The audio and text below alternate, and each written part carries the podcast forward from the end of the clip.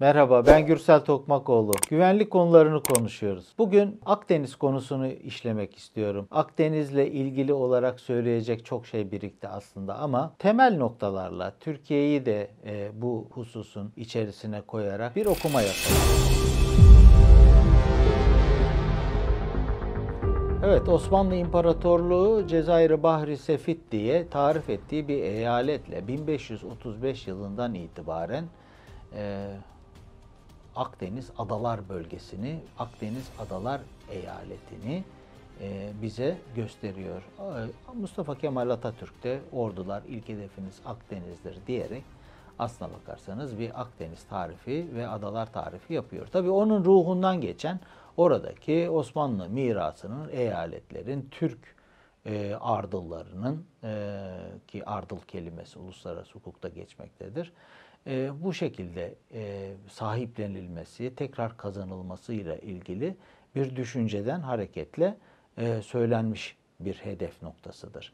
Ama biz günümüze geldiğimizde işte Yunanlıların Ege dedikleri bir coğrafya var. Birazcık bunların üzerinde duralım. Bakın aslına bakarsanız ya biz Rum diyoruz. Rum kim? Rum Roma'dan geliyor. Yani e, mesela Kıbrıs Rumları diyoruz. Kıbrıs Rumları dediğimiz e, Kıbrıs'ta yaşayan Romalılar mı demek istiyoruz? Yani bu tarifler biraz tartışmalı konular. Tabii e, hem dil bilimciler hem de tarihçiler bu konuları çalışması lazım. Doğrusu neyse o ifade edilir ama e, bir Rum devleti yok mesela. Yani burada olsa olsa bir Kıbrıs devleti olur. Kıbrıs devletinin içerisinde değişik toplumlar olur ki çoğunluk zaten Osmanlı İmparatorluğu döneminde bu böyle işaret edilmişti. Türk toplumunun daha fazla olduğu ve oradaki yerleşkeler üzerinde hakimiyetleri, kültürel mirasları ve adaya yayılmış şekliyle, son şekliyle aslına bakarsanız İngilizlere devredildiği noktaya kadar ki e, durumu düşünürseniz bir Türk adasıydı. Ama burada işte başka e, kavimlerden kalma e, toplumlarda söz konusu olacaktır. Diğer adalar içerisinde de aynı şeyler geçerlidir. Bakınız e, biz Rum kelimesini e, Roma ile irtibatlandırarak böyle açıklıyoruz ama bir Rum devletinden bahsedemeyiz dedik. E, peki e, işte Yunan Gölü Ege, Ege adaları, Yunanistan. Şimdi bakın e, bütün bu tanımları biz e, pratikte kullanıyoruz ama hani artık e, dilimize plesenk oldu diyelim. Biz bunları böyle sürekli söyleye söyleye bu şekle getirdik. Bu tanımlar da yanlış. Nereden baksanız Yunanistan lafı İonya'dan türemiş bir laf. Yani İonya ee, İzmir merkezli düşünün. Şöyle haritayı gözünüzün önüne getirin. İşte orada Sakız Sisam Adaları vesaire. Orada bölgesel yani bir kent devletleri birleşimiyle e, oluşmuş e, bir yapı var. Yani onun güneyinde mesela Dorlar var. Dor bölgesi İyonlardan farklı. Hani bunların soylarının e, genetik analizlerini yapacak değiliz burada. Latin medeniyetleri olarak işaret ediliyor bunlar. Halikarnas e, merkezli düşünürseniz e, yine tarih kitaplarına geçmiş şekliyle işaret ediyorum. E, burada doğruların olduğu bölümde işte e, bugün bizim uluslararası anlaşmalara da geçmiş şekliyle 12 adalar kavramı var. E, o e, çerçeve içerisinde örneğin İstanköy, e, Rodos gibi önemli adalarda bu doğruların içerisinde. Ama bugün Dor Denizi diye bir şey söylemiyoruz biz. E, İyon Denizi e, diye bir şey antik dönemin tarifi içerisinde yer almış olabilir ki o İyon e, adalarının olduğu bölümde Pers devletinin olduğu zamanlarda Farisiler işte buraya Yunan demişler mesela. E, o çerçeve içerisinde Yunan kelimesinin kullanıldığını ve e, büyük bir ihtimalle Osmanlı İmparatorluğu döneminde de bu Yunan kelimesinin e, işaret edildiğini biz söyleyebiliriz. Ama bunun dışında bir sürü kent devletinin ve medeniyetin burada Latin medeniyetinin diyelim olduğunu biliyoruz. Bunların hiçbirisi bugünkü modern dönemin devlet anlayışı içerisinde belirli bir sistemle tarif edilen ve aktarılan değildir.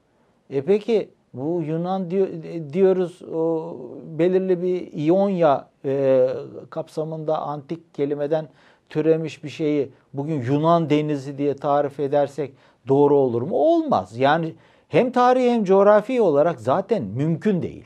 Ya böyle bir tanım olması yanlış. Diğer taraftan bakınız e, peki Grek, Gris neyse e, bu tür ta- tariflerle karşı karşıya kalıyoruz. E, kendilerine Grek denilen e, bir bölgede yaşayan toplum var. Peki kim diyor bunlara Grek diye? Romalılar diyor. Yani Latince'de işte Atina çevresinde yaşayan toplumlara böyle çağırmışlar. O zaman onlara Grek demişler. Latince'de geçen bir kelime.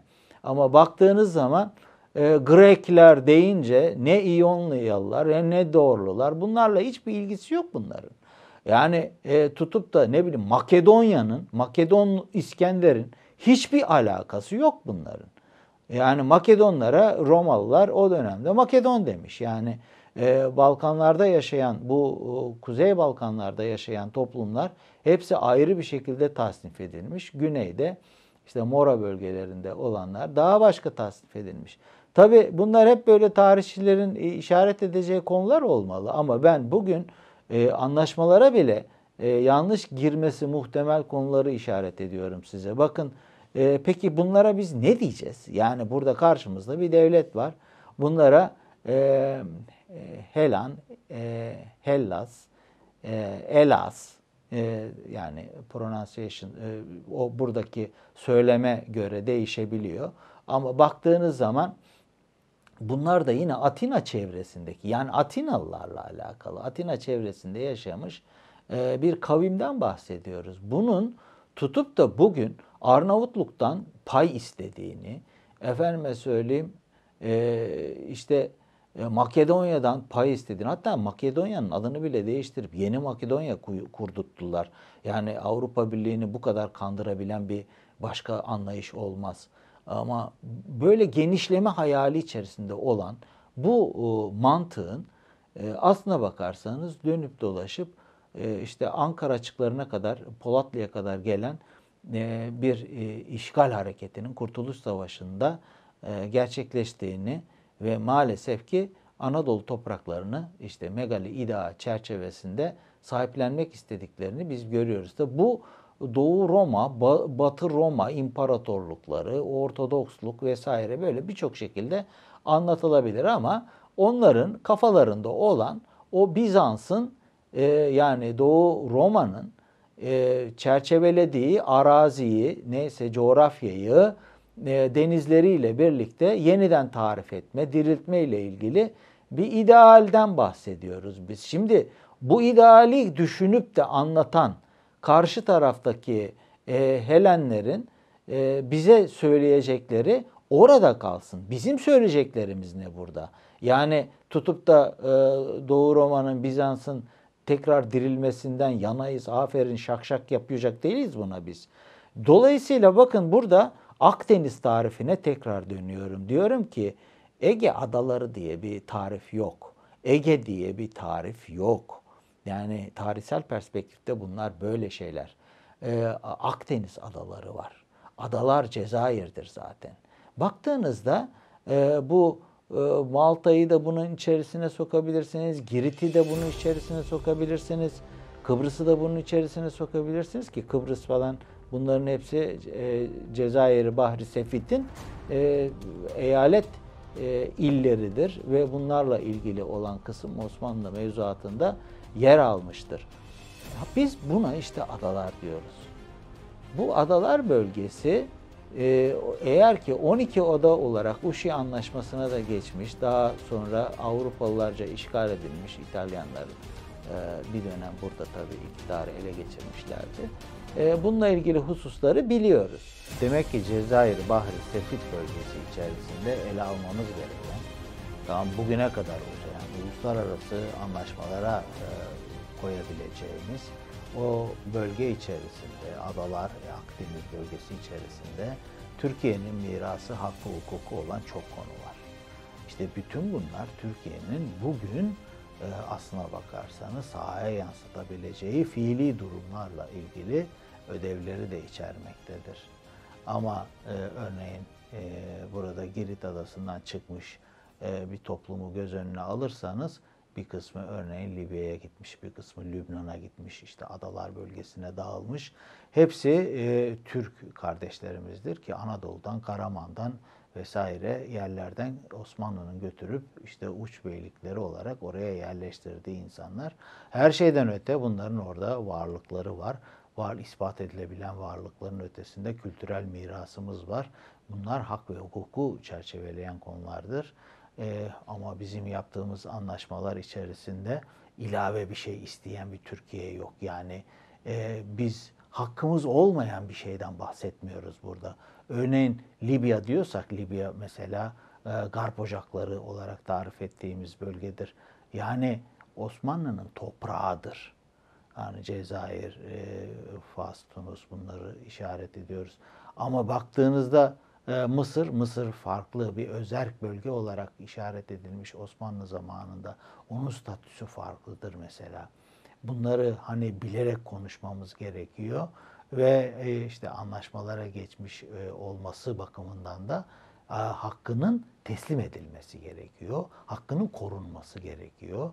Varsa burada bir ihlaller, ihlalin e, tarif edilmesi gerekiyor ki mesela bana göre en büyük ihlallerden bir tanesi anlaşmalarda mevcut olduğu halde işte bu adaların silahlanması, e, bu Atinalıların çıkıp da e, Akdeniz adalarını e, silahlandırması asla kabul edilebilecek bir şey değil. Hoş görülebilecek bir şey değil. Buna sebep olanların hepsi gerçekten hesap vermek zorundadır. Eğer böyle olduktan sonra bizim milli varlığımızı savunacağımız ve haklarımızı, hukukumuzu e, işaret edebileceğimiz bir gerekçe ortadan kalkar. E, bunların hepsi esas konularımızdır bizim. Bunlarla ilgili konuşacağız. Bakın e, bağlamadan önce şunu işaret edeyim. Biz tabii gençken böyle televizyon yoktu pek. E, radyo dinlenirdi işte BBC, Amerika'nın sesi vesaire. Bu radyoların e, özellikle BBC'yi kastederek söyleyebilirim. Dünyanın her yeriyle ilgili haber yapardı. Yani Vay derdik biz de İngilizlere bak o haberciliği oradan da yapıyor. Hayır. Ee, işte o e, İngiliz imparatorluğunun, Güneş Batmaz imparatorluğunun aklıyla hareket ediyor. Bir takım insanları götürmüş, bir takım oraya şirketlerini götürmüş, bir takım tesisler, sistemler kurmuş. Ee, bunlarla ilgili faaliyetlerinde sömürgecilik yapmış, o sömürgelerle ilgili e, her türlü hususu e, göz önünde bulunduruyor. Ve bununla ilgili olarak da dünya siyasetini yönlendiriyor. Modern dönemde dünya siyasetiyle ilgili işte Londra'ya yansıyan biçimiyle olan kısmı ele alıyor ama bir taraftan da dünyaya ben buyum diyor. Bakın sömürgeci, emperyalist bir İngiltere'nin o dönemler içerisinde işaret ettiğini biz hayretle karşılardık. Yani bunlar çok haberci, herhalde haberi çok seviyor gibi tarif edilebilirdi basit bir çocukça mantık içerisinde ama değil. Yani burada elini değdirdiği noktaya sahip çıkıyor diye bakmanız gerekiyor. İşte o cümleden hareketle ben diyorum ki bugün Osmanlı mirasının içerisinde olan her bir nokta bizim elimizin değdiği yer hakkımızın, hukukumuzun olduğu yerdir. Yani bizim haberlerimizi bile yaparken habercilerimiz e, bu konularla ilgili olarak her türlü şeyi bilerek tarif ede, edecek ve o literatürü kullanacak. Onunla ilgili tarihsel, coğrafi hususlara değinecek. E, bunun üzerine de hukuk inşa edilecek. Yani hukukçularımız da herhalde artık uluslararası hukuku öğrenmişlerdir diye düşünüyorum ben. Hani sadece işte e, basit e, mahalli hukuk çerçevesindeki çetrefil konularla ilgili olan kısmı bir tarafa koyuyorum. Uluslararası hukuk Türkiye'nin menfaatının, e, gözetilmesi bakımından mutlaka ve mutlaka üst üste konması gereken değerlerin tarifiyle alakalıdır. Yani bunları eğer ki e, Türkiye Cumhuriyeti Devleti bir milli mesele halinde ele alıp da bununla ilgili bir çaba sarf ettiğinde işte sonuç alınabilecek noktaların menzili çok fazladır. Onun için işte İngiltere'ye örnek verdim. Ama bugün mesela çok iyi biliyoruz ki Amerika Birleşik Devletleri de hukuk alanında işte yaptırımlarla ilgili bir sürü bir şeyler yapıyor. Birleşmiş Milletler'e gidiyorsunuz, Avrupa Birliği, Avrupa Konseyi'ne gidiyorsunuz. Yani burada konuşacağınız dil hukuk dili oluyor. Dolayısıyla baktığınızda Sizin burada mirasınız var, tapulu yerleriniz var, bir sürü şeyler geçerlidir. Bunlarla ilgili hak, hukuk, e, gözetlere konuşulacak çok şey var. Ama Akdeniz bir Yunan denizi falan değil. Hatta Akdeniz Doğu Akdeniz, Batı Akdeniz değil. Akdeniz Akdeniz'dir. Ee, bunun içerisinde Türkiye'nin iç denizleri vardır. Ne bileyim Arnavutluğun, İtalya'nın iç denizleri vardır. Fransa'nın vardır. Bunlar ayrı şeylerdir. Ama Akdeniz'i kendilerine e, bir şekilde e, sahiplenerek e, menfaat e, ilişkisi içerisinde sunanlar orada dursunlar. Biz de haktan hukuktan yanayız. Teşekkür ederim.